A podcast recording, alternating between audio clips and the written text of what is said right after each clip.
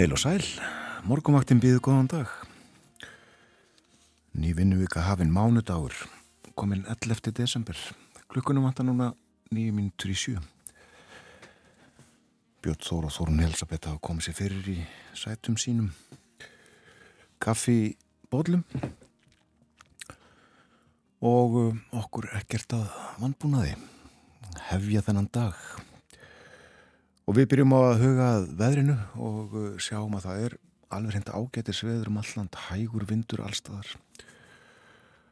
Og uh, hittinn víðast hvar svona öðru hvorum eigin við frostmarkið en nokkuð kallt sumstaðar. Einstiks hiti til að mynda í Reykjavík klukkan 6, skíjað sunnan tveir, en tvekjast eða frost á Stafáldsei. Einstiks hiti í Stekisólmi og lítilsáttar súld þar, norðvestan fjórir, hiti við frostmark á Patrísfyrði og einstiks frost í Bólungavík, tvekjast eða frost á Holmavík, Hitti við frostmark á Blönduósi. Tveggjastega hitti á Söðunarsvita. Sekstega frost á Akureyri. Léttskíjað þar. Sekstega frost líka bæði á Húsavík og á Rauvarhöfn. Fimmstega frost á Skeltingstöðum. Nýjustega frost á Eilstöðum. Skíjað. Hitti við frostmark á Höfni Hortnafyrði. Þryggjastega frost bæði á Kvískerjum og á Kirkjubæðaklaustri tveggjastega frost í Árnesi en fjórastega hitt í Vestmanni. Svona viðræði á okkur klukkan 6. Og það verður vestanátt, vestan og norðvestan 3-8 metrar á sekundu í dag. Skíðað mestu og dálítil jél eða slittu jél en létt skíðað söðaustan og austanlands. Frosti í dag 0-7 stig en sumstaðar frostlaust við sjóin. Suðulega átt svo á morgun, líka hægur vindur 3-8 metrar á sekundu, þurft og bjart veður og frost 2-10 stík. En það gengur í sunnan 8-13 metra á sekundu á vestanverðurlandinu síðdegis og þyknar upp með svo litilli snjókomu en slitta eða regningum kvöldið og hlínar. Já og svo verður breyting á miðugudagin. Já, það er ótt að segja það. Um, það hversir enn frekar á miðugudag Þá er útlitt fyrir all kvassa eða kvassa sunnanátt með talsverðri rigningu og hlínar meira 13 til 20 metrar á sekundu og hitin fer upp í 2 til 8 stygg. Og eh, snýst svo í söðvestan kvassviðri eða storm á fymtudag með jæljum og kólnar aftur niður að frostmarki. Og það segir í hugleðingum veðufræðings að veðrið á landinu hafi verið rólegt síðustu daga og megi vera ljóst að það munu breytast í vikunni sem nú er að hefjast. Áður en vikan er á enda munum við fá kvassan vind, breytilegt hitasti og úrkomu sem ímist verður regning eða snjókoma. Hálka á uh, göttum og gangstjættum í Reykjavík og uh, tæki borgarinnar úti í morgun að salta. Gera þetta allt saman klart fyrir fólkið sem fer svona tíja sig af stað eftir ég tæpa klukkustund allir sé ekki þá sem að umferðin hefjist. Og verður svo þung. Hún er uh, þung svo bara allan daginn þessa daga á aðvendunni Já. Það er ímislegt á dagskrá morgumvaktarinnar í dag. Við ætlum að halda áfram að tala um mannréttindi. Mannréttinda dagurinn haldin í gær. Þá voru 75 ár frá samþygt mannréttinda yfirlýsingar við ræðum áfram um þau mál. Björn Malmqvist verði með okkur frá Brussel og svo eru það skipulagsmál. Já, við ætlum að uh, fletta neyri bók um uh, skipulagsmál sögu skipulags á Íslandi má segja. Haraldur Sigursson skipulagsfræðingur er höfundur hennar og hann verði með okkur.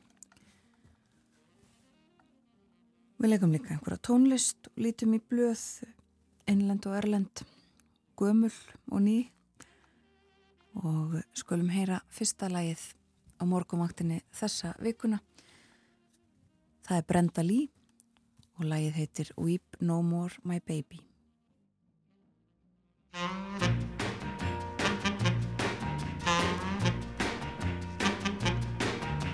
Weep oh, No More oh, My Baby.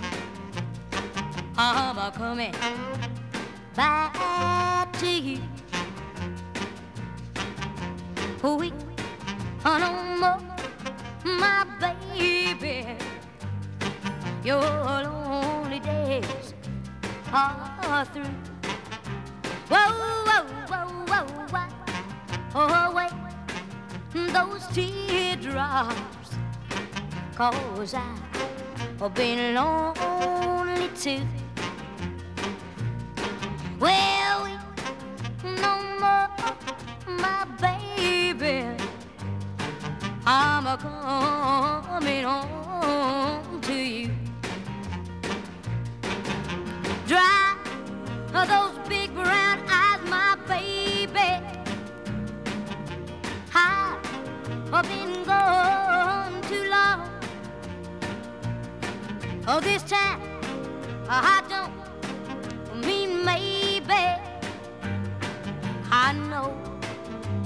I know I've done you wrong. Yeah, no more, my baby. Lonely days are through. No more, my baby. I'm a coming, coming home to you. Come on and smile for me, my baby. Your tears are making me so sad. I can't stay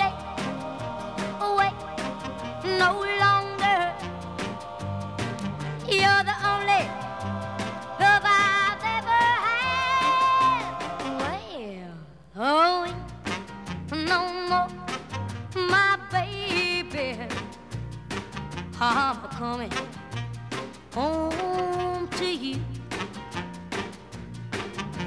We more, my baby. Your lonely days are through, and I'm a coming, coming home to you. Yeah, I'm a coming, coming home to you. I said I was a coming, a coming home to you. Weep No More My Baby söng Brenda Lee. Ég held að í dag sé ammalistagur Brendu Lee. Við fyrum að hleypa frettastofunni að morgum frettir á dagskráni eftir tæpa mínútu. Förum svo ítalega yfir efni þáttarins þegar að því er lokið. Thank you.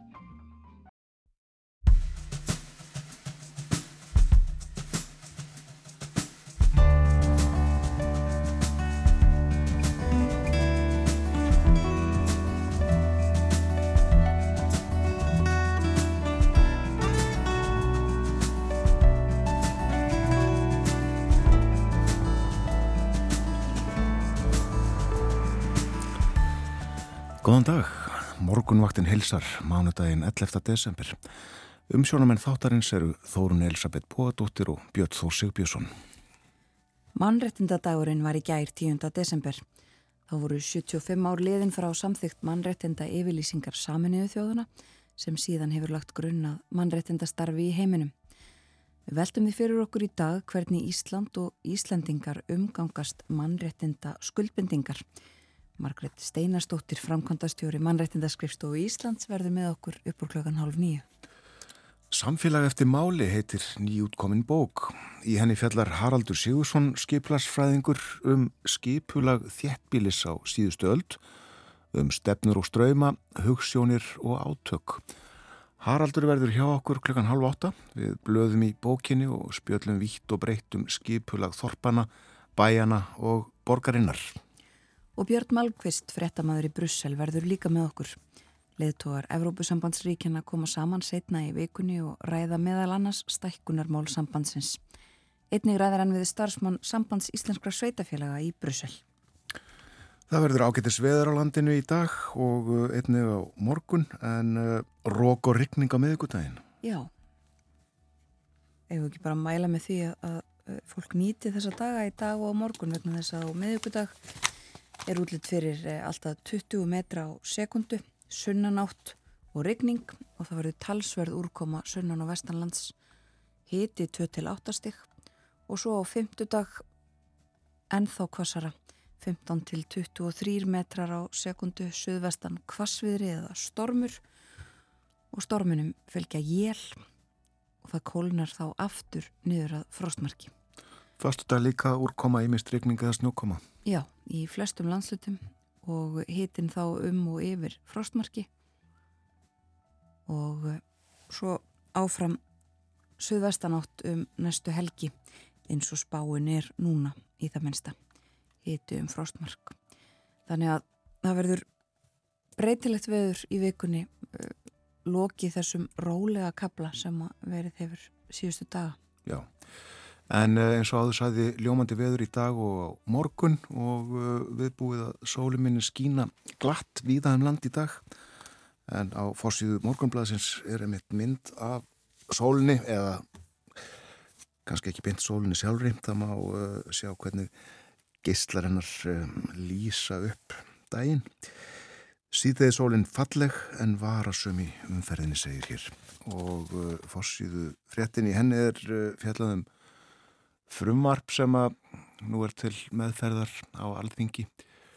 Orkumálar á þeirra leggur fram og uh, það hefur þann formlega titil frumvarp til, til laga um breytingu á rávorku lögum og fjallar um rávorku öryggi og uh, segir að uh, tilgangur þessi að miða því að styrkja raforku öryggi almennings og forgangsröðun í samræmi við orkustefnu.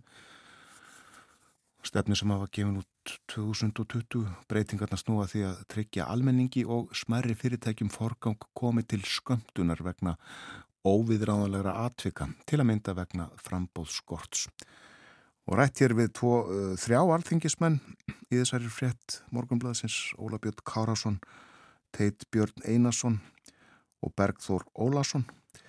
Og uh, segir í ingangi að uh, já, heitam á örugt að þessu, þetta frumarmunum taka uh, breytingum, verilugum breytingum segir hér í meðförum þingsins.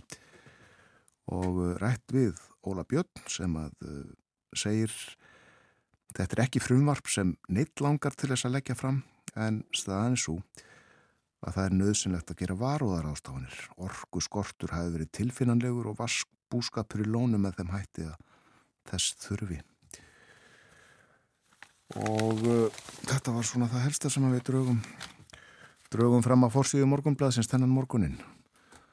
Uh, lítum í önnur innland blöð gömul hér á eftir en uh, ef ekki fara næst út í heim. Jú, við skulum gera það. Um, ímislegt á segði út í heimi sem að hægt er að nefna. Byrjum kannski á að nefna að uh, það eru nú framöndan síðustu dagarnir á loftslagsráðstöfnu saminuðu þjóðana í Dubai og uh, fjallaðum það þó nokkrum stöðum og uh, meðal annars vísað til orða framkvæmdastur og saminuðu þjóðana Antonio Guterres sem er komin aftur uh, til Dubai.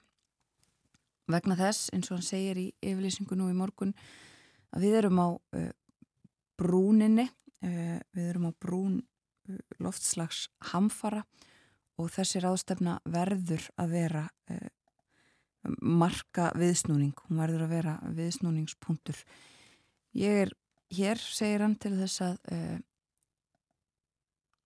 taka aftur fram uh, ákall mitt til leðtoga það þurfi að uh, það þurfi aftur að uh, finna leiðir og samþykja þessa áður samþyktu hækkun á hitastíi hún takmarkist við einu og halva gráðu á Celsius. Það þurfi að binda endi á jarðefna eða öld jarðefna eldsneitis og uh, tryggja loftslags jafnbreytti. Það þurfi að uh, láta þessa ráðstefnu skipta máli. Þetta var ákall framkvæmdastjóra saminuðu þjóðana fyrir morgun um þessi mál. Fundað stíft þar en já, uh, fer að klárast þessi ráðstöfna og uh, það er líka fjallaðum stöðumála um, á Gaza og í Ísrael á, uh, í fjölmörgum erlendum fjölmjölum við heyrðum að þessu í fréttonum áðan en uh, Hamas Samtökin hóta því nú að Ísraelsmenn fái ekki gísla sína tilbaka á lífi nema þeir sleppi fólki úr sínuhaldi. Gangi til samninga og mæti kröfum Hamas, það var talsmaður þeirra sem sagði þetta. Ísraelsmenn segja að það séu enn 137 gíslar í haldi á Gaza og á móti er sagt að 7000 palestinumenn séu í haldi í Ísraelskum fangilsum. Stjórnvöldi Katar hafa áframhaft milligöngu um uh, tilraunir til þess að uh, sleppa fleirum úr haldi á bóðabóa en fórsetis á þeirra Katar uh, svart sídni á stöðumála. Það hefur sagt að það sé ekki sami vilji og áður til þess að ganga til samninga og glugginn til þess fari mingandi vegna áframhaldandi árása á gasa en að ekki verði gefist upp. Ísraelsmenn hafa haldið áfram árásum eh, um helgina og það sem aðver degi bæði í söður og norður hluta gasa. Og það hefur verið bóðað til neyðarfundar hjá allsirriðingi saminuði þjóðan á morgun og eh, mögulegt, jafnvel líklegt að þar verði greitt atkvæði um tillögu sem að krefst vopnallís af mannúðar ástæðum strax.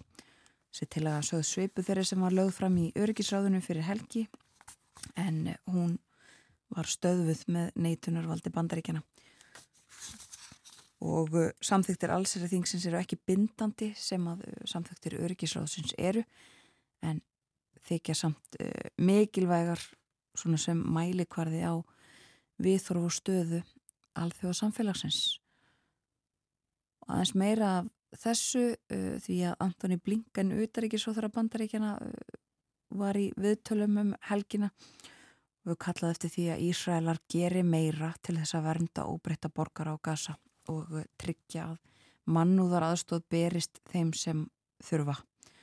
Hann sagði líka að öryggi Ísraels yrði ekki tryggt til langframa nema pólitískum væntingum palestinumanna verði mætt.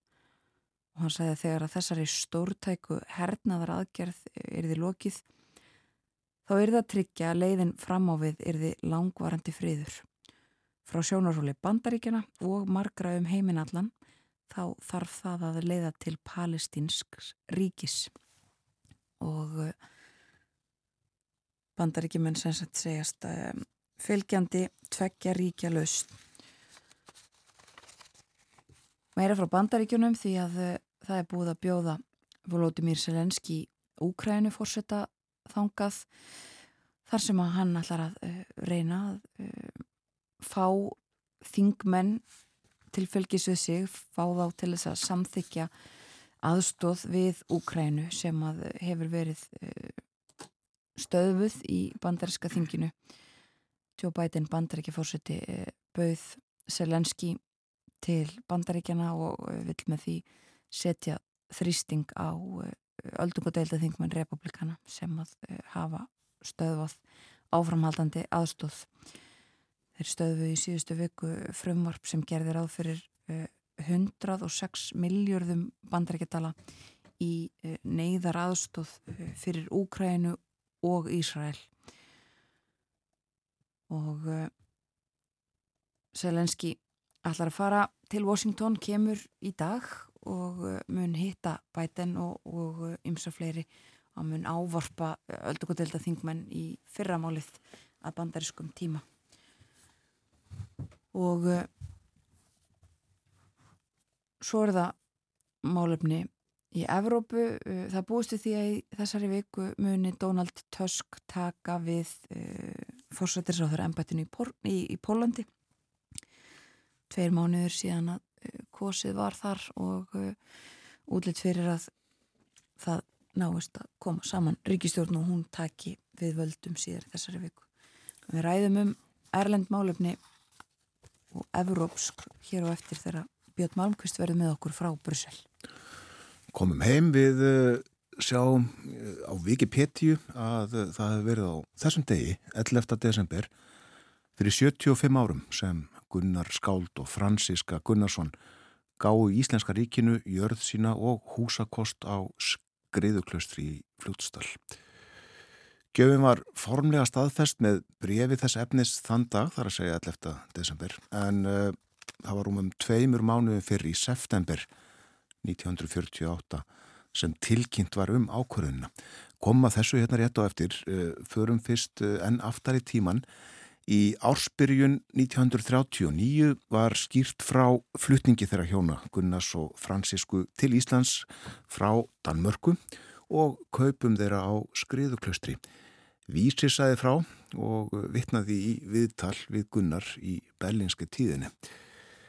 Gunnar Gunnarsson hefur keift jörðina skriðuklaustur og ætlar að reysa þar byggingar með vorinu og hefja búskap. Flistan hinga til lands með fjölskyldu sína alla og fadrans sem er 75 ára að aldri og dvalið hefur í Danmörku á vegum skáldsins verður einnig í förmiðunum. Gunnar Gunnarsson hefur aflað sér mikillar fræðar erlendis og mun vera þekktastur íslenskra skálda fyrir bókmynda afreg sín og hann er vel að þeim sigri komin. Fræð hans hefur ekki komið af sjálfu sér eða fyrirhafna lítið, heldur hefur hann aflað sér hennar með stöðugri vinnu ár frá ári og Gunnar mun vera manna yðjúsamastur. Snemma á morgni hverjum, sestan við skrifborsitt og vinnur stöðugt ákveðin tíma á degi. En það segist hann kunna best við sig þar og finnist hann vera að svíkjast um ef hann eigðir deginum á annan hátt. Og áframsagði Gunnar Gunnarsson átti í æsku við mikla erfiðleika að stríða.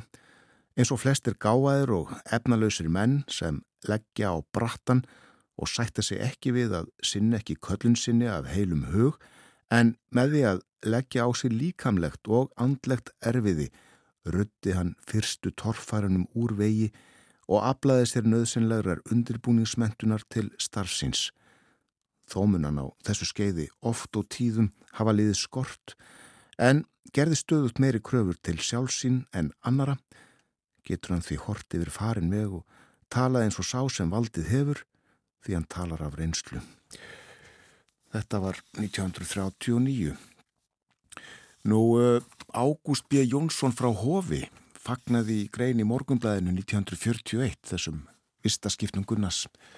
Hann var reyndar í greinsinni fyrst og fremst að harma þá ákvörðun mentamálaráðs að lækka styrk til skáldsins og uh, hvetja alþingi til að setja Gunnar á först heiðuslun. En um Gunnar á skriðuklaustri skrifaði Ágúst frá Hofi. Skáldið flutti til Íslands eftir langa döl Erlendis þar sem hann aflaði sér mikillar skáldfræðar og frama og um leið Jókan Róður ættjarðarsinnar. Þjóðin fagnaði heimkomi þessa fræga skálds af alhug.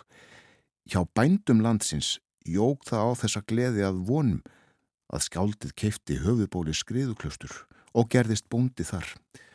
Árum saman höfu bændur séð byggðina eigðast og hort á eftir ímsum góðum mönnum hverfaðaðan til léttari og betur launaðar að starfa.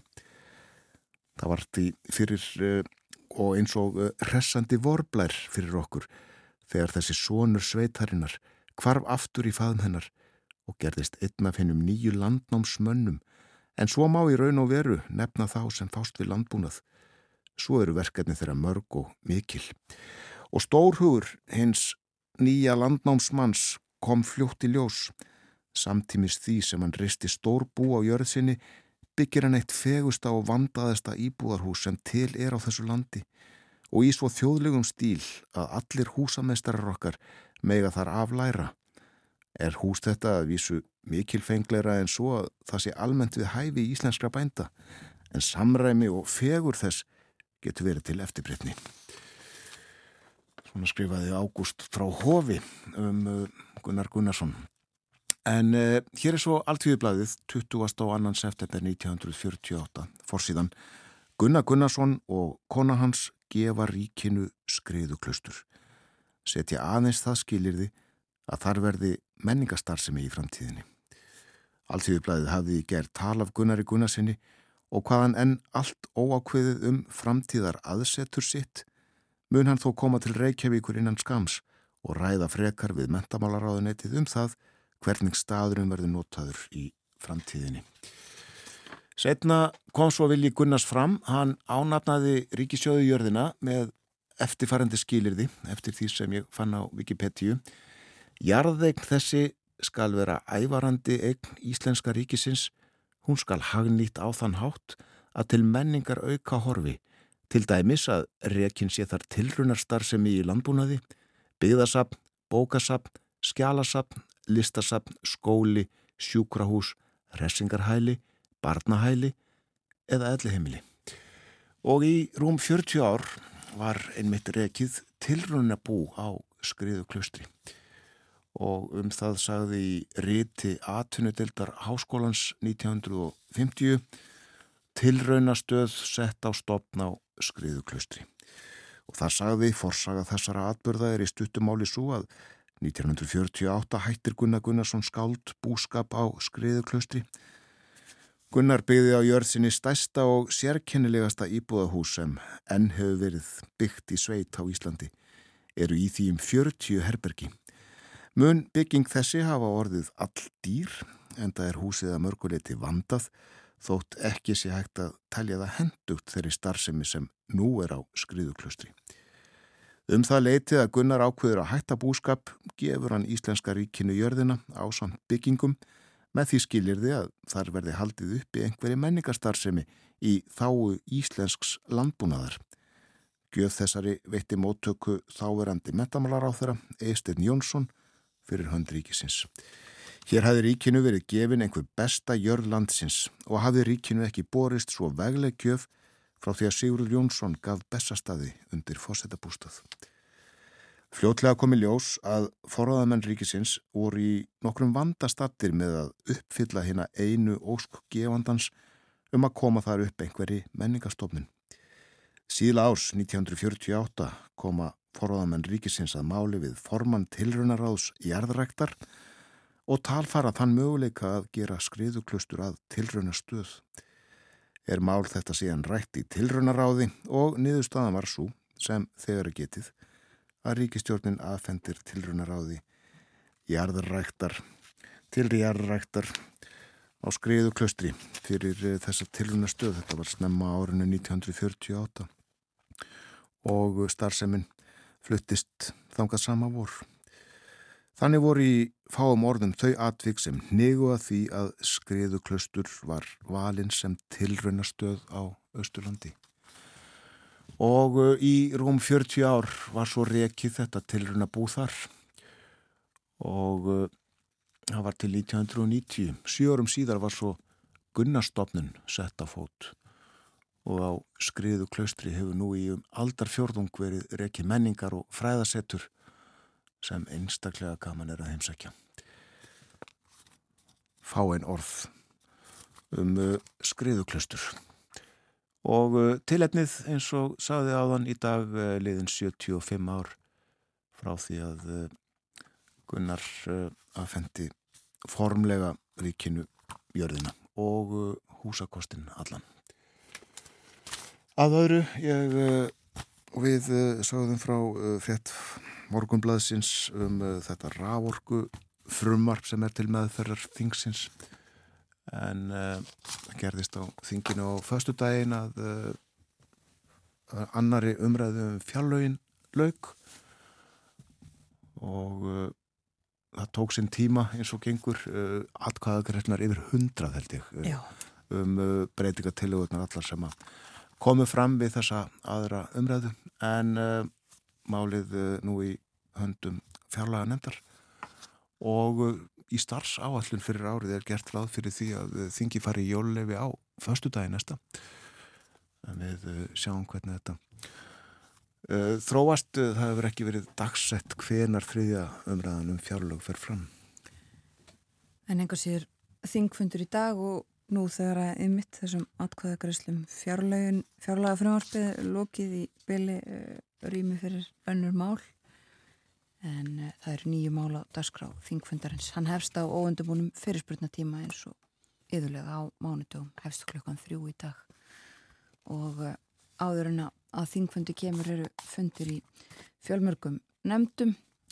Það er líka desemberfundur forsætisnefndar Norðurlandaráðs og svo fær þingið nokkar heimsóknir heimsók frá uh, leikskólanum Brekkuborg meðal annars. Já. Ímislegt um að vera á alþingi. Við þurfum að eh, nefna handbóltan hvernig landslið eh, leikur gegn Kína í dag í Fossetta byggarnum leikurinn hefsklunga 5 og er síndur í beinni útsendingu í sjónvarpinu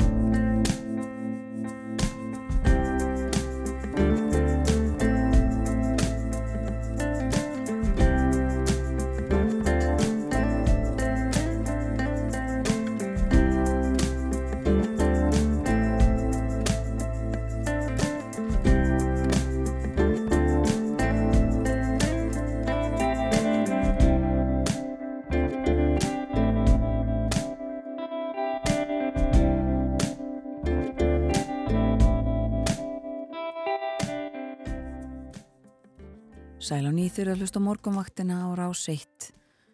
Yfirleitt morgunfréttaða baki, klukkan liðlega hálf átta þennan mánudags morgun. Það er komin 11. desember. Og það verður príðilegt veður á landinu í dag og á morgun. Hægur vindur,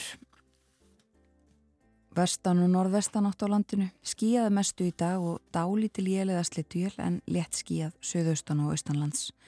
Áfram frostum mest allt land en sumstaðar frostlust við ströndina þar sem andar af hafi. Á morgun er söðlega átt í kortunum áfram sem fyrir segir hægurvindur framan af degi og þurft. Síðdegis gengur í 8 til 13 metra sunnanátt á vestanverðulandinu og þyknar upp með svo lítilli snjókomu en slittaða regning um kvöldið og hlínar. Á miðvöggudag hversir svo enn frekar, þá er útlitt fyrir all kvassa eða kvassa sunnanátt með talsverðri rigningu og hlínar meira. Snýst svo í söðvestan kvassviðri eða storm á fymtudag með jæljum og þá kólunar aftur niður að frostmarki. Og í hugleðingum veðufræðing segir veðrið á landinu hefur verið rólegt síðustu daga og að ofansögðu má vera ljóst að það muni breytast í vikunni sem nú er að hefjast. Áður en vikan er á enda munum við fá kvassan vind, breytilegt hitastig og úrkomu sem ímist verður ryggning eða snjókoma. Við minnum á það að eh, eftir frettinnar klukkan átta verður með okkur Björn Malmqvist, frettamæður í Brussel. Við eh, ræðum meðal annars um leðtóafundin sem er framöndan síðar í vikunni, hann fer fram á Spáni held ég. Og uh, forvittnum slíka um starfsemi sambandsíslenskra sveitafélaga í Brussel. Og í síðasta hluta þáttarins þá fjöllum við um mannréttindi. Um gert það, gerðum í síðustu viku leikum örþætti átna snævar um mannréttinda yfirlýsingu saminuðu þjóðuna en í gær voru 75 ár frá samþygt hennar. Margret Steinarstóttir, framkvæmdastjóri mannréttindaskrifstofu Íslands verður gestur okkar í síðasta hluta þáttarins og ræðir við okkur um það hvernig við umgöngumst þessi mál hér á Íslandi. Ég ætla að lesa svo litinn texta. Að hafa vit fyrir fólki, það þarf skipulag til að halda samfélögum saman. Við viljum oftast hafa ákveðna röð og reglu á hlutunum, hvort sem það er heima fyrir eða úti í samfélaginu. Við þurfum leikreglur um það hvernig samskipti og viðskipti eiga að fara fram, lagabókstafi um egnar og nýtingarétt og lög og siðareglur sem fyrirbyggja áreikstra millir einstaklinga og hópa. Við þurfum stjórntæki til að stýra uppbyggingu í almanna þáu og tryggja að þeir sterku og efniðu vaði ekki upp á kostnaðanara. Við þurfum skipulag svo við göngum ekki á náttúruna með mannvirkja gerð okkar og náttúruöflin ókni okkur ekki. Á þessum orðum hefst ingangur að nýjútkominni bók Samfélag eftir máli. Höfundur er Haraldur Sigursson, skipulagsfræðingur. Í bókinni er fjallað um skipulag, borgar, bæja og þorpa á 20. öldinni frá mörgum hliðum. Velkomin til okkur á morgumvaktina Haraldur. Já, takk. Leggjum aðeins út af upphafsorðunum að hafa vit fyrir fólki. Það þarf að gera það, sem sagt. Jú, uh, það þarf að gera það uh, en ég, ef þú læsir aðeins lengur enn í textan þá er ég líka svona að minna það að við þarna, þurfum að fara varlega með þetta vald sem fælst í því að, að, að byggja upp samfélag og, stýra atverðli fólks uh, þannig að þetta er aðeins tvíbent þessi titill á yngangsorðanum hann að hafa vitt fyrir fólki það er stutt á milli að hafa vittir í fólki og gefa góð ráð og hafa sína ráðskast með fólk og, og, og, og hanna fyrir þarna, fólk og titill bókarinnar. Uh, samfélag eftir máli vísar svolítið í þetta uh, að við reynum að halda upp í röð og reglu sem við bara þurfum að gera. En þurfum líka að passa okkur að það sé sveigurum fyrir þarna, mannlífið að blómstra í þeirri umgjör sem við sköpum. Og þess vegna og titillin kemur svolítið frá hérna, smásögu eftir Svöfi Jakobs eldurs eftir máli sem margir þekkja held ég frá 1967 uh, sem fjallar um uh, Kallmann uh, nafngrendan Kallmann Ingól sem hannar ákveður að hanna nýtt eldús fyrir heimilið og, og sérstaklega hanna fyrir konuna sína. Þannig að ég nota þess og þess að hafa, svo, hafa mikið samráð við hanna en hún átti síðan að nota eldúsið og síðan reyndist eldúsið ekki notaft fyrir hana eða hún var ekki ánað með eldúsið þannig að þessi saga, eh, svona þegar ég datt neyra svo sögu fyrir nokkrum mánu síðan þá kom þessi titill að bókinni. Þetta er svona endurspeglar aðeins uh, uh, hvernig svona stórkallali stjórnvöld voru að stýra þróum byggðar og hanna fyrir fólk á þess að hafa mikið samráð við það en, en í góðri trú kannski að hafa vitt fyrir fólki og við þurfum sannlega í mörgu að hafa vitt fyrir fólki þegar við kemur að svona sérstaklega þegar það lítur að öryggi og heilbrið en, en, en við þurfum líka að passa okkar að gangi ekki á langt í að, að, að gera negla allt inn í, í lög og reglugerðir. Sveitafélagin sjálf þurfa líka að hafa sigur um gagvart landslugum þannig að þetta er aðna já, þessi engangur er svolítið tvíbentur og svona smá aðna ámenning og kannski um, um hvað koma skal í bókinni eh, sem er þráður í gegnum hana En er, er uh, skipulag einhvern veginn svona línudans millir þess að sko að laga skipulag að mannlífi eða, eða að mannlíf lægi sig að skipulagi? Já, þetta er raunni leikir spurning sem ég legg upp með og í, enganginu líka er, er hérna, þetta sam, samhengi milli Eh, hins hannaða umhverfis okkar eh, sem við viljum gera með bestan hátt og, og þess samfélag sem á að skapast í þeirri umgjörð. Og þetta er bara mjög flókið samingi og uh, við þurfum að hafa trú að því að við að góð hönnun auki líkurnar á því að, að skapa gott samfélag. En, en við þurfum líka að möna það að það er ekki og við erum kannski svolítið uh, upptekinn að þessu sjónræna sjónrænu úttópíu eins og í nefnana að, að já, um leið þetta er komið uh, við erum búin að hanna bygguna á réttan hátt uh, þið byggða umhverfi og þá komið samfélagið og það verið gott samfélag sjálfkrafa. En, en, en raunveruleikin er náttúrulega ekki svo leiðis Hvenar uh, var farið að móta þjættbílið hér á Íslandi eftir skipulegi? Uh, Svona hefðbundna svarið er að segja eftir semst í kjölfarsetningu skipilaslaga 1921 Guðmundur Hannesson Læknir skrifaði bók um skipilabæja 1916 og hún var svona grundvöldur að lagasetninguna eða upphafði að menn fór að huga þessari lögjöf steinstöpu öldin var að ganga í, í garð um þetta leitið brunin í Reykjavík 1915 ítti undir að, að útrýma raunni timbri og torfúsinu náttúrulega voru útlið löngu áður. Þannig að þegar fólk voru að hugsa í steinsteipu varanlegum húsum og varanlegum götum líka veitu kerfum þá svona kvikna á því að það veri þörfa á að, að negla niður skiplaði til frambúðar. Þannig að var þetta fjárfesta eftir einhverjum áallanum og Guðmundur skeinir þetta klálega eh, og hann er náttúrulega að hugsa um þetta frá mörgum hliðum líka en hann er svona aðal höfundur þessara laga en það komi fleiri að þessari lagarsetningu Guðjón Samúlsson arkitekt sem var, var um, setna húsamestari ríkisins og geir Sóega, eða hann var orðin húsamestari, hann Guðjón þegar þetta kemur þegar þetta fer á stað. En þetta er svona kannski þetta formlega ár 1921 sem við getum sagt að sé upphæð að, að, að lögformlegu skiplagi á Íslandi. Uh, og á tíðan bila stóð til að þessi bók kæmu út 2021 eh, til lifni 100 ára ammala skiplaslagana en þessum leit er í fegin því að það var ekki þannig að því að, að, því að mínum huga er runni sko vendipunktarnir í skiplagi er ekki endilega bundnir við lagasettingarnar það er, það er þróun á undan og, og, hvað er skipulag er, er, er viðtækt það er, er að segja að þú ætti ekki að horfa það bara út frá því það sem er sett á blað út frá okkur um lögum heldur það skipula sem mótast eh, smátt og smátt í höndum viðkomandi yfirvalda og þess samfélag sem er á staðnum. Já, var uh, hér fljótlega til talsverð þekking á skipulagi og skipulasmálum? Nei, ég, það, hún var mjög, ég myndi segja mjög lítil ég, það er hana, nokkuð ítalegu kapli hérna í, undan áðan ég fer svona inn í skiplasmálun á 2000-stöldinu sem fjallar rauninu um uh, og reyna svona að reki ástæðar þess að hverju myndast ekki þjættbílu á Íslandi Uh, og, og lýsir svolítið aðdraðandi að þéttbílismyndum sem verður síðan mjög ör þarna í lók 19. aldar. Þessi sjáarþorp myndast þarna út um all land. Uh, en uh, það gerir svolítið án þess að, að hefðirnar ná að skapast samhliða.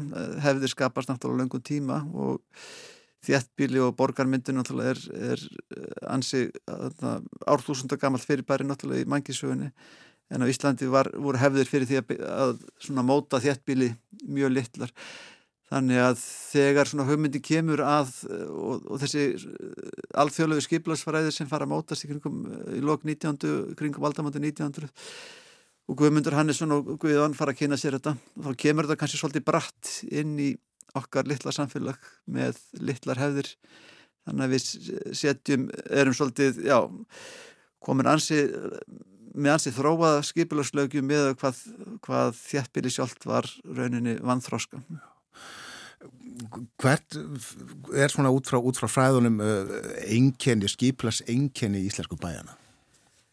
Eh, ég fennur svolítið inn á þetta í bókinni eh, að eða, þegar ég var að vinna þetta og rannsaka þetta þá fór ég að hugsa sko, er þetta grein eitthvað svona einkenni, skipilags einkenni, eru höfundar einkenni, guðmundar og, og Kannesunur og Guðjón sem unni þessa skipilagstillugur hérna í byrjun fyrir þessa smáu bæi og reynda starri bæi líka eins og Ísafjörð og Akureyri og Sveðisfjörð, Hafnefjörð e, á tíðanbylun 21 til 38 og, og ég fór að rýna svolítið í þessa tillugur að sjá hvort það væru þetta greina svona einkenni í raun og veru í, í bæjamyndinni eins og hún er í dag og horfið svolítið á það.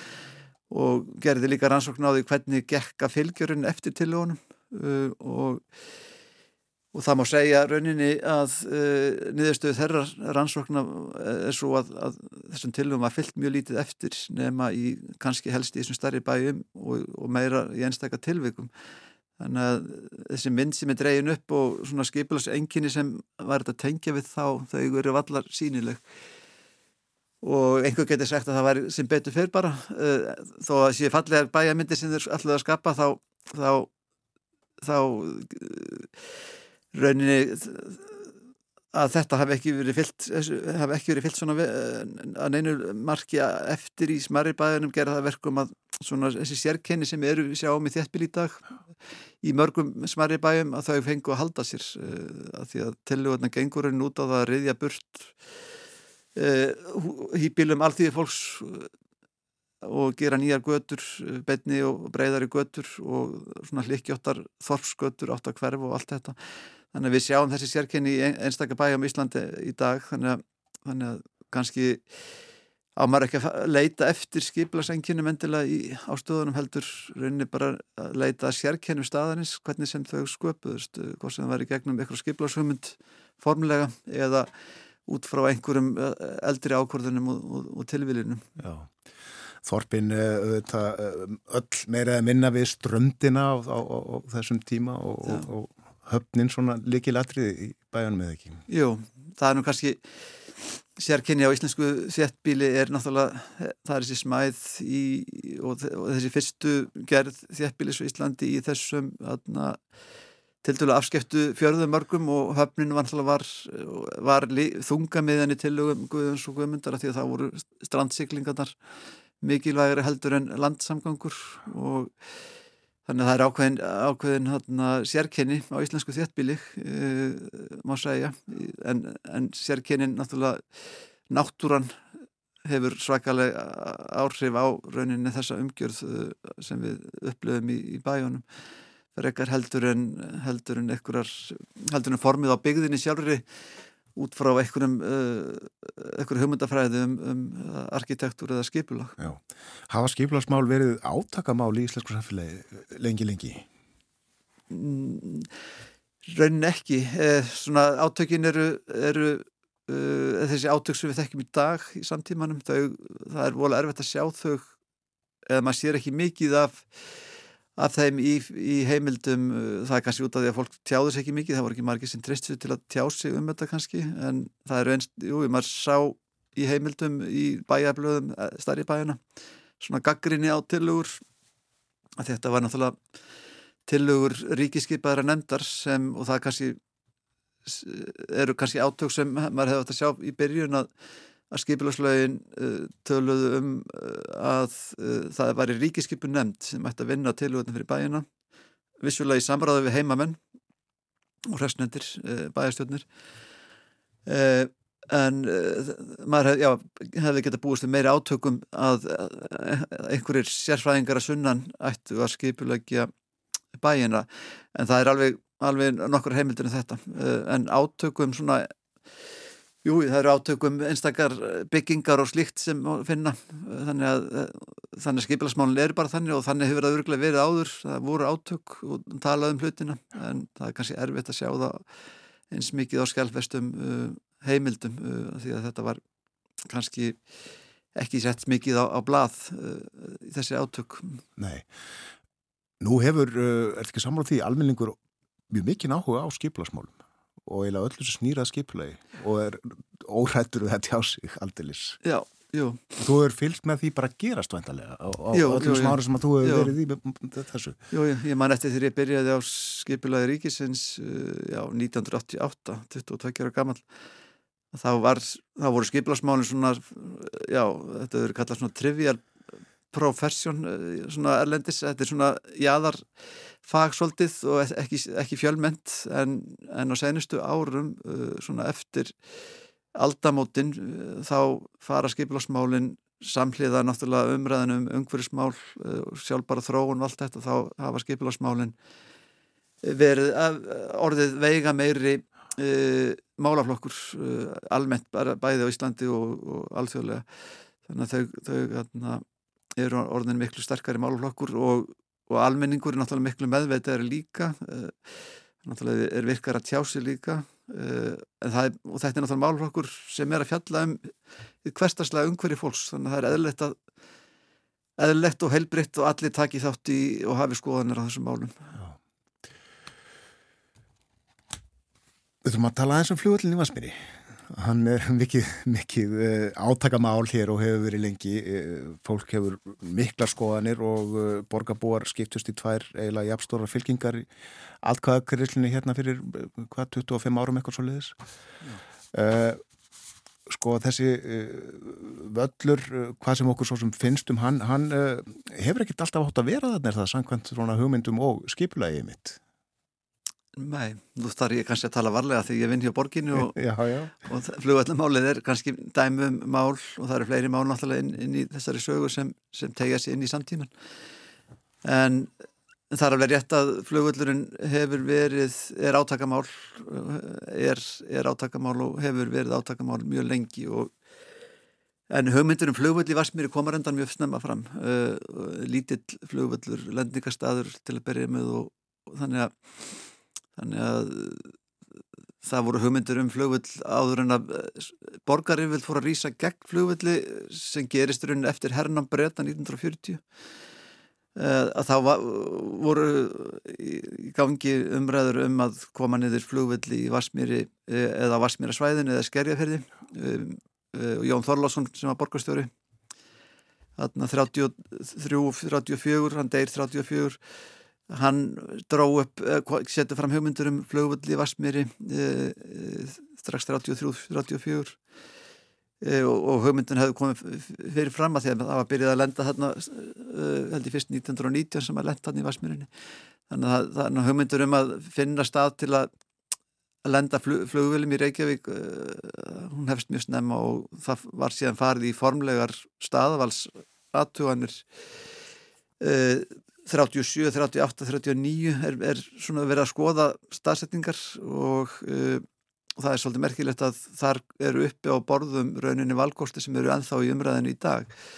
Það er að segja uh, Kvassarhaun sem er, er núna í aðtugun uh, er raunin sunnan hafnefverði er nefnt í þessu samingi en leinst af uh, var flugvöldur út á Altanissi í umræðinu En þetta flugvellamál er svona, og ég kem náttúrulega þó nokkuð mikið inn á það inn í bókinu, þetta, er, uh, þetta kemur uh, mikið inn í umræðan í kringu 1940 þegar, þegar völlurinn er síðan uh, festur rauninni vegna hernámsbretana og svolítið litlu samræðu við borgari, þau voru held ég alveg tilbúin að samþykja völl hérna, minni völl sem átti að vera 70 hektarar eitthvað slíkt en síðan koma breytarnir og taka raunin eignan á með eitthvað 270 hektara land all, all, alls þar í kringum varsminina og reyða burt byggð og fleira þannig að þá fó, fóru svona skoða og svo var þetta náttúrulega herrflugullur þannig að eðlilega var, voru borgarriðvöld uh,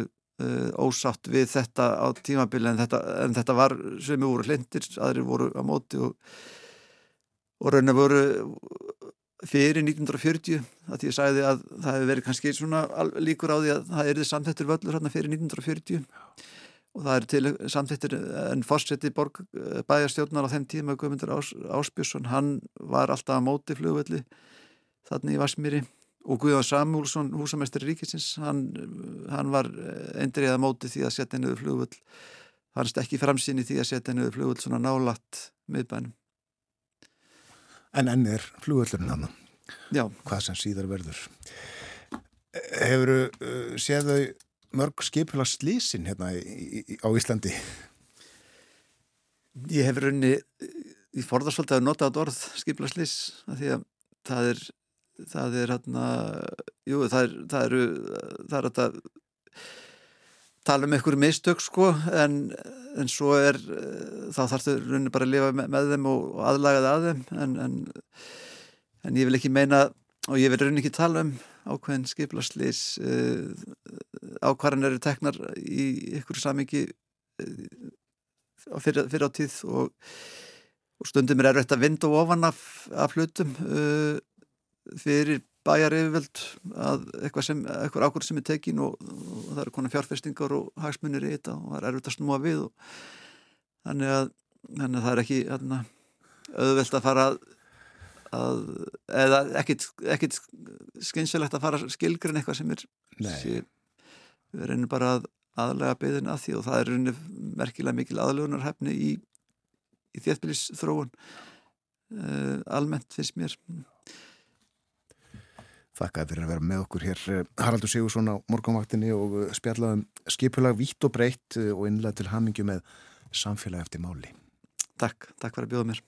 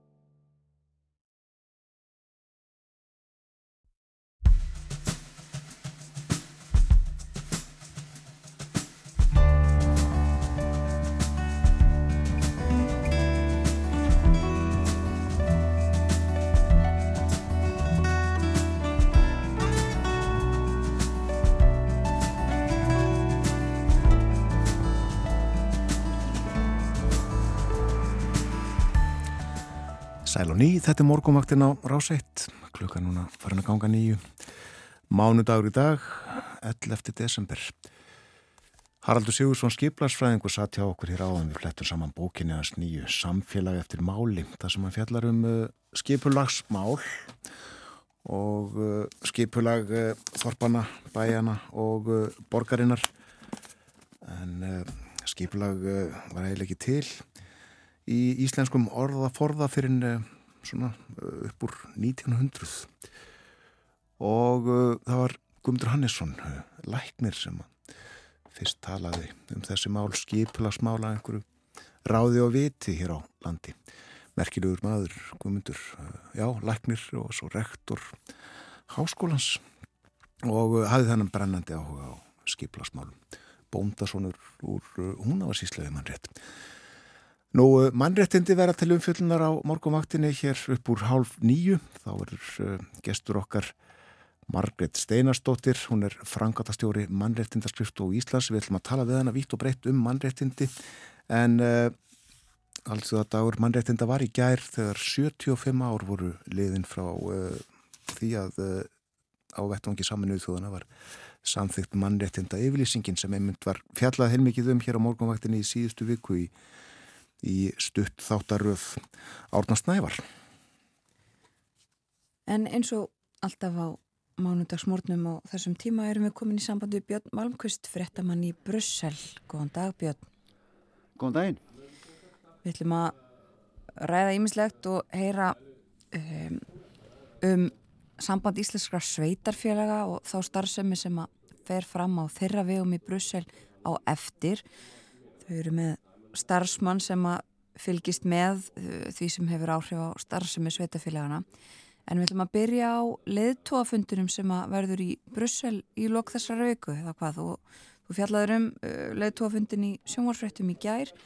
Þetta er uh, nokkuð mikilvæg fundur og geti jafnvel orðið sögulegur ekki satt Jú, þetta gæti orðið sögulegu fundur sem er verið hérna á 50 daginn og förstu daginn. Það var allavega búið að stilla um þannig upp að á þessum fundi myndi leittóraði bjóða Úkræninu og mögulega öðrum rík, ríkjum líka hefja viðræður um aðveld að Evrópussambandinu eins og þessi ríki til dæmis Úkrænina, Moldova og fleiri vilja mjög gerðnan. Úkrænum en sóttum aðvild uh, bara rétt um fjórum dögum eftir að rússar reyðust inn í Úkrænu í februar í fyrra fullum þunga. Þeir, þeir fengu stöðu umsóknaríkis í júni í fyrra og hafa síðan þá unnið að alls konar endurbótum á stjórnkerfinu. Eh, Framkvæmdastjórn ESB mælti með aðelda viðræðum við Úkrænu í november í skýslu sem þá var gefið út, gefin út og það leitt þannig út fyrir nokkrum vikum bara að á fymtudaginn þá myndi myndi leðtóra að taka þetta skref.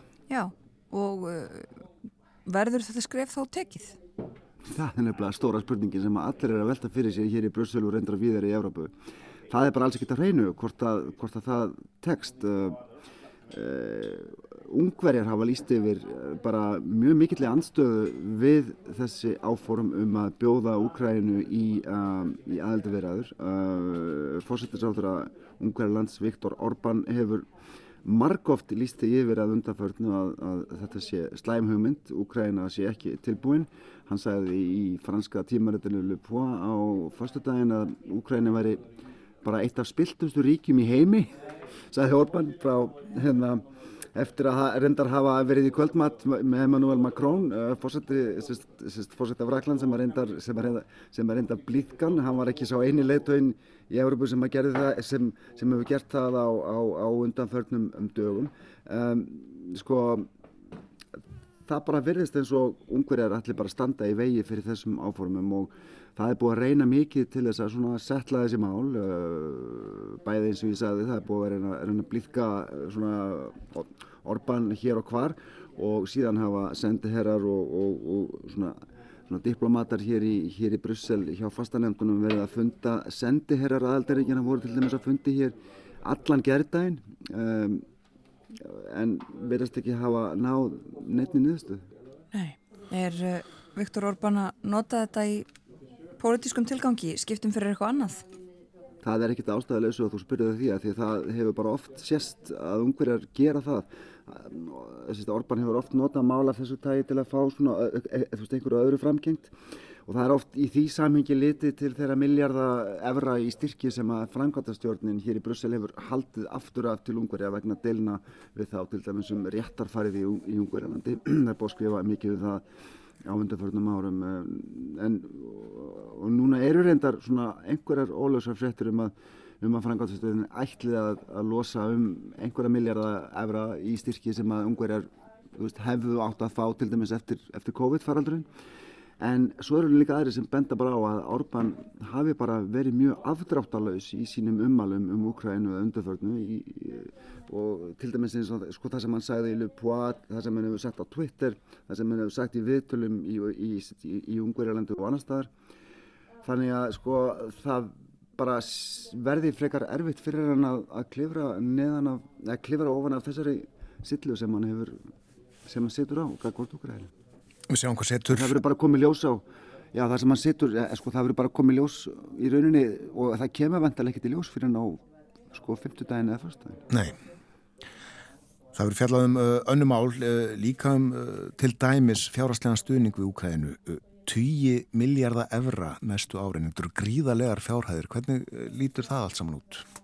Já, ég, sko ég ætl ekki að reyna að að hérna færi þetta yfir íslenska krónur en þetta er, það er verið að tala um annars vegar fjárhagslega stöðningu upp á 50 miljardar evra næstu fjögur árin þar að segja um, sko, Európa-sambandið er náttúrulega sáaðili sem hefur hvað, sko, veit hvað mestum peningum í sko, fjárhagslega stöðning til Úgrænu og þetta er mikið til, sko, til þess að veist, reka bara ríkkerfið í Úgrænu uh, vegna þess að efnaðarum það er náttúrulega í kaldakóli uh, eh, sko, þessir 50 miljardar eh, sko, eru, eru hugsaðir í það fram til 2027 og, og þessi pakki reyndar hluti af stærri máli sem að snýst um sko, fjárlög Európa-samfansins til 27 og það verður líka rætt og mögulega afgrætt á leittóaföndunum og það er kannski ekki alveg fullkominn einingum það en kannski setjum sko, það til hliðar í rauninni.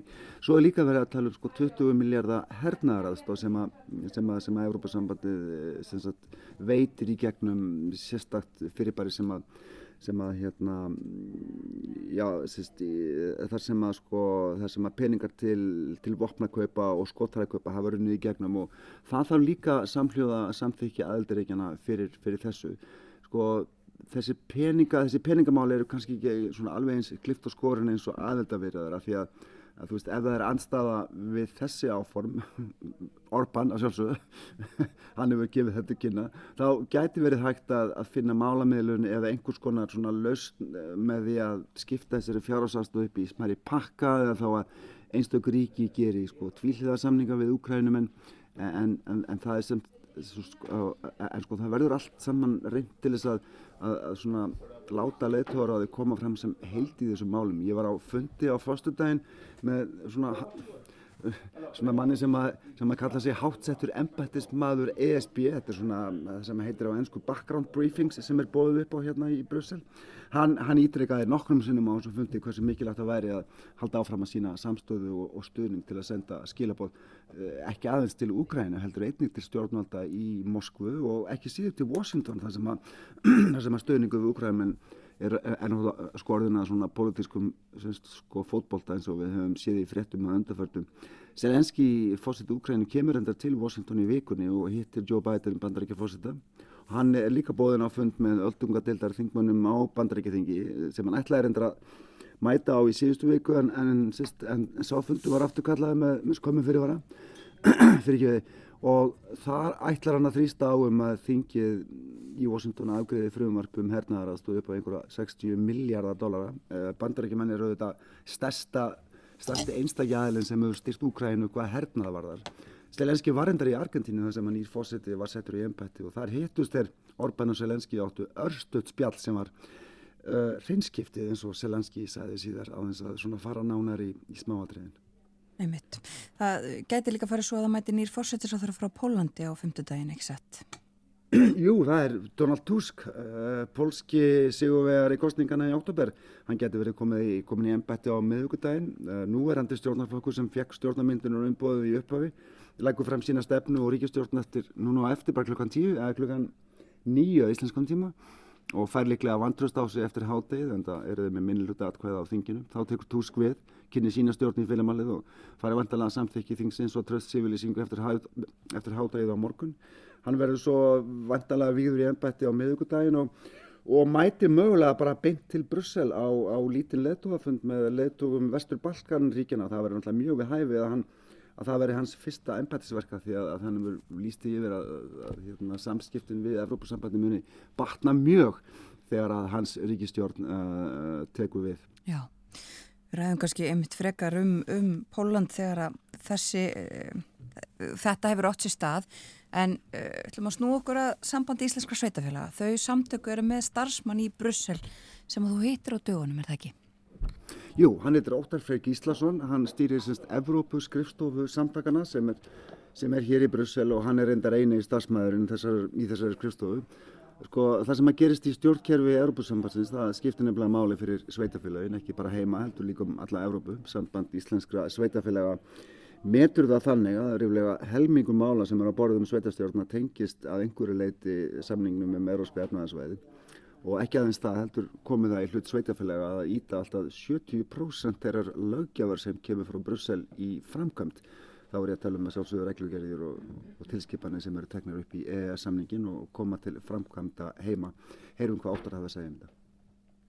En það er náttúrulega bara í raunin allt sem að fellur undir EES samningin en svona dæmigert fyrir sveitafélag eh, varðar eins og eh, hérna úrgangsmál e, fráveitumál, skolpið okkar, það er svona dæmingert en þetta var það líka bara eins og vinnu, sveitafélagur er stór vinnuveitandi og þetta er vinnuveitendalaugjöf og, og er, það er margt hana undir. Og þannig að það sem við erum að gera hér eða við segja, ég er náttúrulega svona eh, bara hinn íslenski raunurleiki að, að við erum með skrifstofina en ég er starfsmæður skrifstofunar og, og sá einni Akkurat. en hefur náttúrulega mitt bakland síðan í borgatúninu í Reykjavík þar sem okkar sérfræðingar síðan í ákveðnum málaflokkum eru en þannig að hlutverki hér er bara að fylgjast með. Þurfum, þetta er rauninni svona þrýþætt má segja, við erum að fylgjast með og vakta hvað er að koma, hvað er í pípunum hver, hver, hverju með við búast við varðandi eh, lögjöf sem varðar einmitt til þess að segjum bara úrgansmál þannig að við séum svona tilbúin. Þetta kom ekki baki á okkur þegar þetta er síðan innleitt að tekið inn í samningin og fer síðan inn í íslenska lögjöf þá vitum við af þessu og svo er annar ángi af þessu er þá að reyna að hafa áhrif á þessa lögjöf Já. og, og hérna benda á hluti sem að annarkort eru ómulegi fyrir okkur eða henda illa á Íslandi eða einhvers konar sérstöðu eða, eða bara hreinlega að, að það sé eitthvað í lögjöfni sem að er ekki nógu skynsalegt eða, eða hefur, kemur illa út fyrir okkur og svo framvegis. Það er svona bara þessi hagsmunagæsla sem við erum náttúrulega ekkert eini í, við vinnum hana náttúrulega bara með Íslenska ríkinu og með sendiráði Íslands hér og eftir skrifstofunni náttúrulega sem að sinnir okkur líka. En svo er þriðji ángin í þessu sem að við höfum verið að leggja svolítið meiri áherslu á núna undarfærin ár og sem er í rauninni svona bara þáttaka okkar í þessu evróska samfélagi sem að eða samningurum veitur okkur aðgangað og þar er ég að tala um þessar styrtar áallanir sem að við þekkjum svona mörg bara á eigin skinni sem veist, þeir, þau sem eru kennarar þeir, og nefnendur sem eru Erasmus styrkir til þess en svo eru fleiri Horizon sem er kallað Horizon Europe það er vísinda samfélag okkar, það ekki það vel sem eru vísinda og svona nýskopuna styrkir en nýverið hefur bæst í þetta við getum tekið þátt í því sem er kallað LIFE og eru umhverfis og lofslagsmál og svo Digital Europe sem eru stafrænmál og þarna eru við að sækja svolítið á af því að sveitafélag hafa ekki komið mikið að þessum áhaldunum en við telum þessum mikil tækifæri sérstaklega í live og Digital Europe og það er mér svo komið á þann stað að við, það við ráðinn sérstakur bara svona sérfræðingur í þessa svona sjóðasókn hjá sambandinu e, með e, í fjárveitingu frá umhverfisráðundinu að sækja í live þannig umhverfis og, og lofslags sjóða Evropasambandsins. Já, sko, óttar myndist þarna áðan á frávitumál sem eru auðvitað stóru mikilvæg á málaflokku. Núna er verið að endur skoða lögjöfum þessi mál sem eru gott dæmi um málaflokk sem að Ísland og reyndar Núregu líkur að benda á sérstuðu sína á norðurslóðum og þetta mál er reyndar líka á ný uppfærðum lista ríkistjóðnarinnar um mál sem eru skilgrind sem forgangsmál hvað var að íslenska hagsmunninga og hvað okkur var þar þá eru þetta að vera að reyna að fá fram breytingar og, eða undantekningar á reglum sem eru kannski bráðlausilega við, við miðrarhafið en, en minna nöðsynlegar á norðurslóðum. Og í þessu samingi þá rættum við líka ég og óttar aðeins um það hvernig gengur almennt og yfirleitt að reyna að hafa einhver áhrif á, á svona ferli og, og snúa upp á reglur og fá undantekningar Sko það verður alveg viðkjönast, það er sem þremu þáttum sem ég taldi vöktunni, það er náttúrulega bara undir okkur komið og við bara reynum að fylgjast eins vel með og við getum, svo er það okkar að sækja í þessa sjóði mm -hmm. og taka þátt í því bara með öflugum umsóknum og, og, og vinna þá vinnu vel, það er svona allt meira, er undir okkur komið, hérna e, þessi hagsmunagesla og, og reyna að hafa áhrif á þá lögjöf sem að Európsamti er, er að vinna með það er og verður bara viðkennast meir en að segja það mm -hmm. og það er ekkert bara fyrir okkur sem erum uh, þessi, þessi ESF-taríki Ísland, Nóriður og Líktenstein sem eru svona einhvern veginn með annan fótinn í dýragettinni sko. við, erum, við erum að taka þátt að einhver leiti í klubnum en erum ekki meðleimir og það er náttúrulega segið sér sjálft að það er alltaf svolítið erfið staða varðandi að hafa áhrif á hagsmunagæslu, hún er meiris erfið fyrir líka Evrópuríkin eða ESB-ríkin sjálf. Og það síndi sér til dæmis eh, nýverið að það var eh, lögjöf sem varðandi, varðaði sem sagt hérna vinnumarkaðin og lámarslaun, það sem að Evrópsamdi vildi setja bara svona, svona upphæðið að það væri ákvarða hér í, í Brussel hver ætti að vera lámarslaun í álfunni og Danir og, og Svíjar og sérstaklega Danir höfðu miklar á að gera þessu. Þetta myndi eiðilegja bara þetta skandinaviska samlingsmódel sem við höfum líka á Íslandi.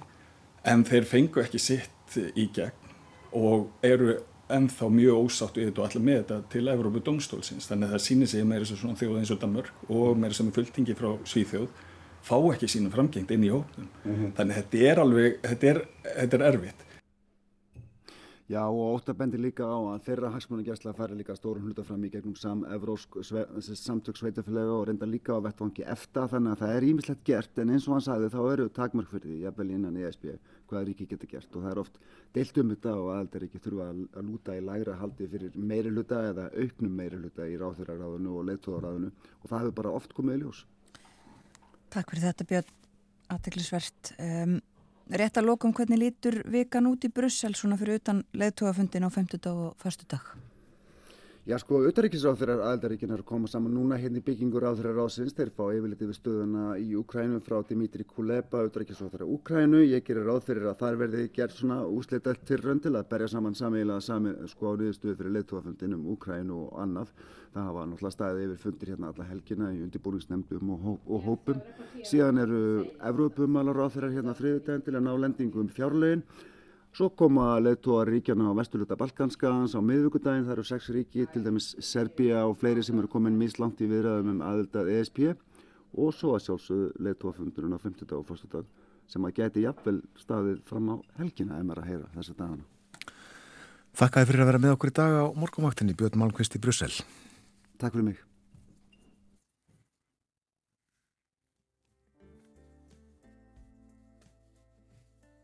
Það stýttist í fréttaeflit hjá okkur á morgunvaktinni fáum fyrstu auðlýsingar og eftir fréttaeflitið verður gestur þáttarins Margret Steinastóttir, hún er frangatastjóri mannréttindaskrifstu Íslands.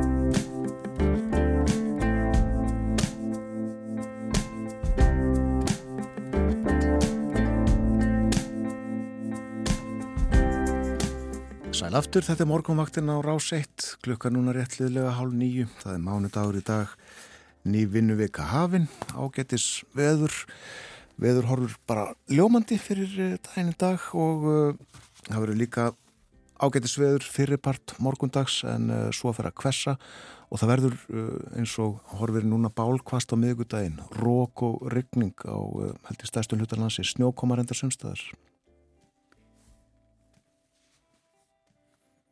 Við fjöldluðum um mannréttinda yfirlýsingu saminuðu þjóðuna hér á morgunvaktinni í síðustu viku. Átni Snævar, upplýsingafulltrúi hjá saminuðu þjóðunum, gerði það í fjórum stuttum þáttum sem eru allir aðgengilegir á VF Rúf.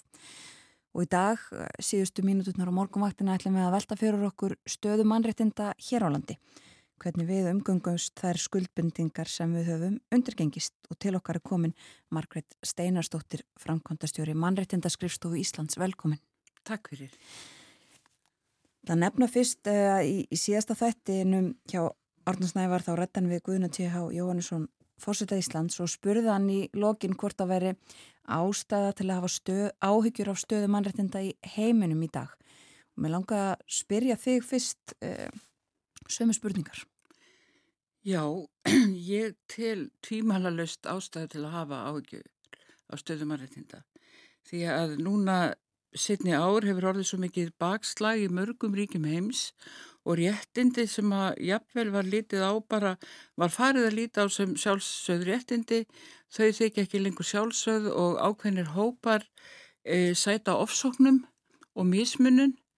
Og e, samstagskona mín e, lísti því þannig um daginn eða orðaða þannig að að það veri komin tími til fyrir ríki heims að endur nýja heitin við mannrættindifylýsinguna. Svona svo fólk gerir oft eftir langt hjónaband, það endur nýjar heitin mm -hmm. og það er, nú í dag er til dæmis mannrættindifylýsing saminnið þjóðana mikilvægari heldur hún hefur nokkur sinni verið fyrir. Já, þá er ljósi bara aðstæðina í heiminu. Já, Já. og bara þeirra ræðilega atbyrða sem er að gerast í Palestínu og, og stríðið í Úgrænu og síðan bara bara almennt bakslagi réttindamálum um allan heim, réttindum hvenna, réttindum eh, hinsegin fólks og ímissa hópa þannig að eh, það er löngu komið tími til að spyrna fótum við og, og, og mér, í mínum huga eiga ríki heims að stiga fast í fætuna og, og eh, bara fara að virða mannréttindi. Já. Væri ekki líklegt samt að uh, það er þið erfitt að ná saman um uh, endur nýjaða mannrættinda yfirlýsingu, einmitt vegna þessa sem þú nefnir. Uh, staðan er slæm viða ríki saminuð þjóðana miklu, miklu fleiri en þeir voru fyrir 75 árum.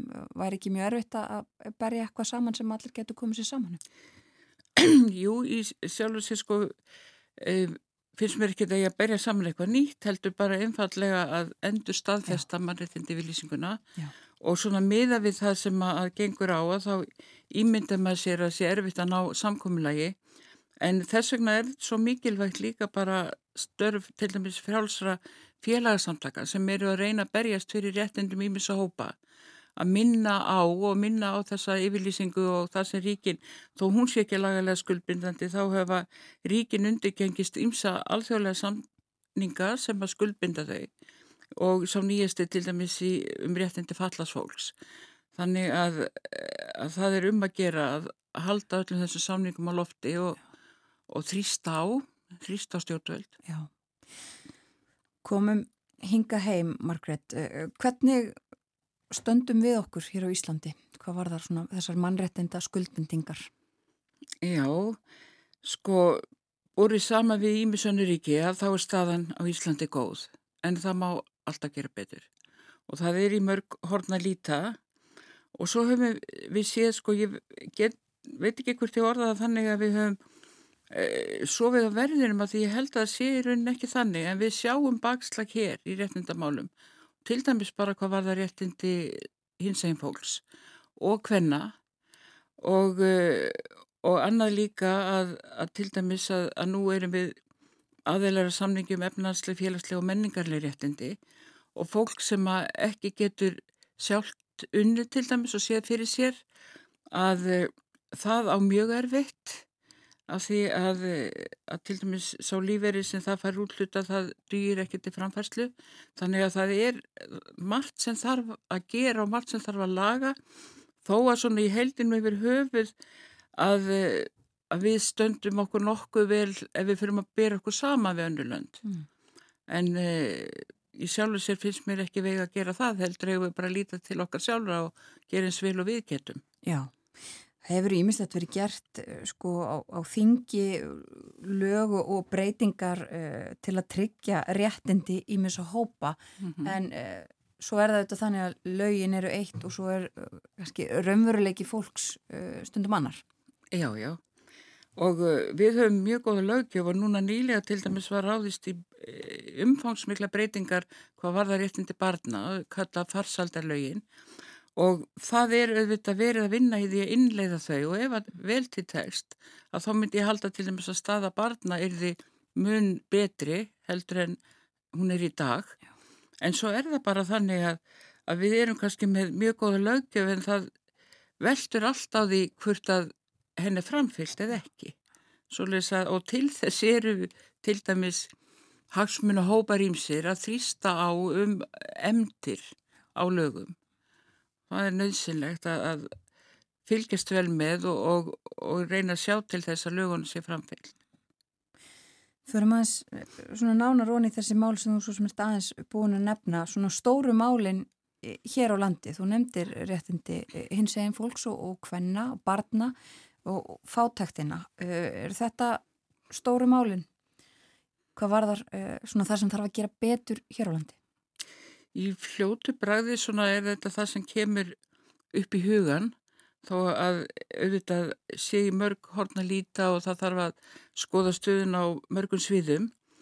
En þá er svona í fljótu bræði það sem er dettur í hug og, og svona vinna gegn bakslægi sem virðist hafa orðið til dæmis um allan heim e, í málefnum hins eginn fólks, þetta er eitthvað sem við þurfum að vinna vel að síðan auðvitað sína rannsóknir og við sjáum það að þeir hópar sem eru mestri hættu að lenda til dæmis í sárafátækt, það er e, fólk á örörkulíferi mm. og sérstaklega einstæðir fóreldrar á örörkulíferi, nú innflytjendur, það er líka hópur sem við þurfum að líta til.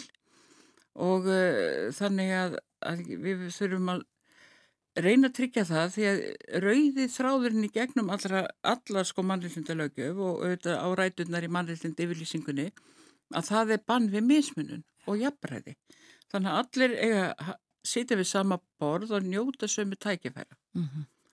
Já, innflytjendur, það eru þetta uh, stór hópur á Íslandi og málefni flóttamanna hafa þetta líka verið og, og kannski ekki sístrætt í samhengi við mannréttindi.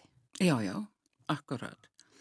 Og nú auðvitað síðustu tvö ár sko þá hefur fjöldi uh, fólk sem óskar eftir alþjóðleiri vend á Íslandi markfaldast og það er afskaplega mikilvægt að, að skoða mál þeirra vel og, og passa það að einstaklingur sem að í rauninu árétt á vend og hefur ekki e, fengið vend annar staðar að hann njóti vendar og jafnvel það að í sumu tilvikum hafa einstaklingar fengið vend annar staðar en mögulega er á þeim stað sem að, að þeir eru að fengið vend að þar er bara ekki það land til dæmis getur verið löngu sprungið þannig að, mm.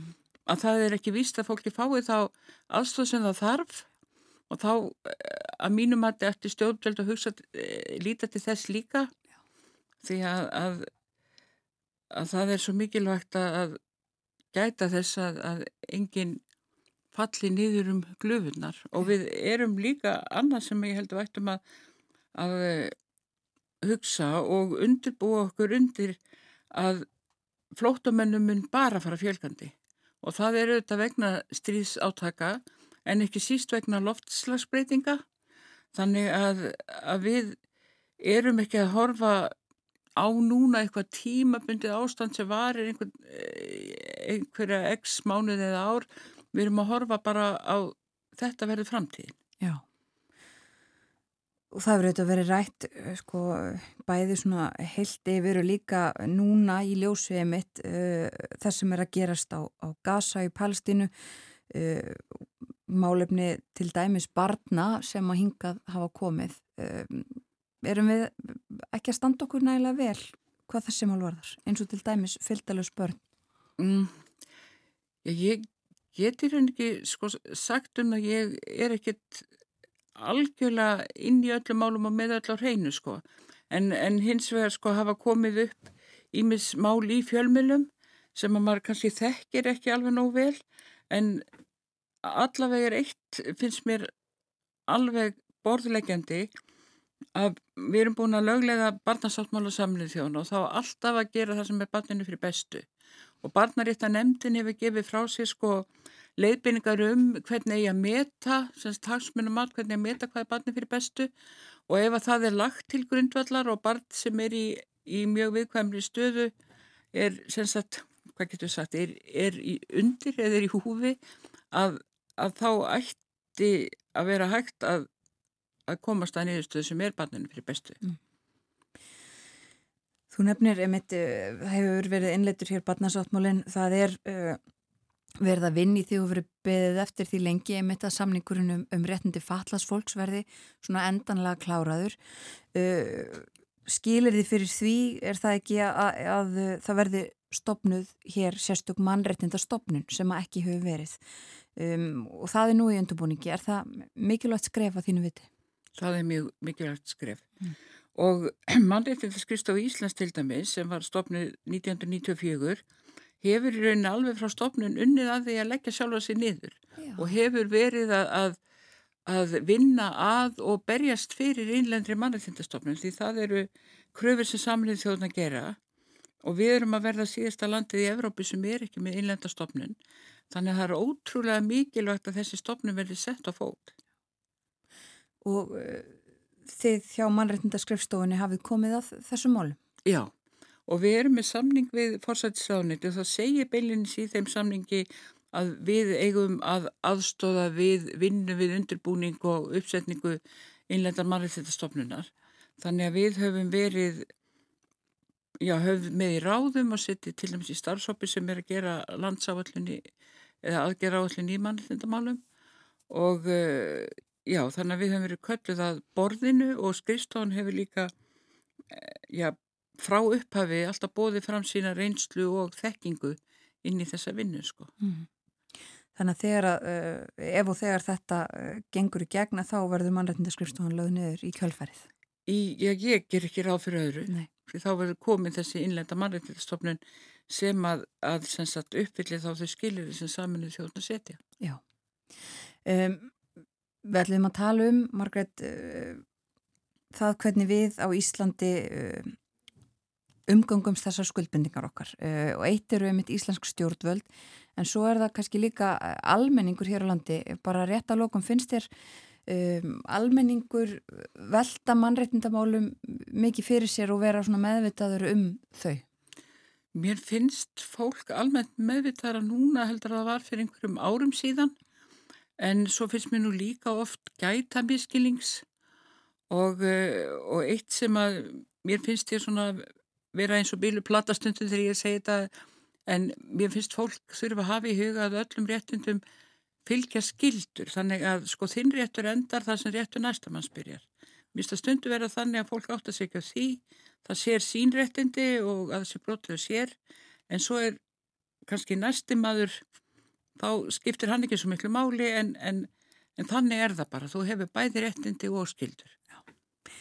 Látum það vera að loka orðin Þakkaði fyrir að koma til okkar á morgunvaktinu og ræðum mannreitindamál á Íslandi, Margret Steinarstóttir, framkvæmdastjóri mannreitindarskrifstofu Íslands. Já, takk fyrir.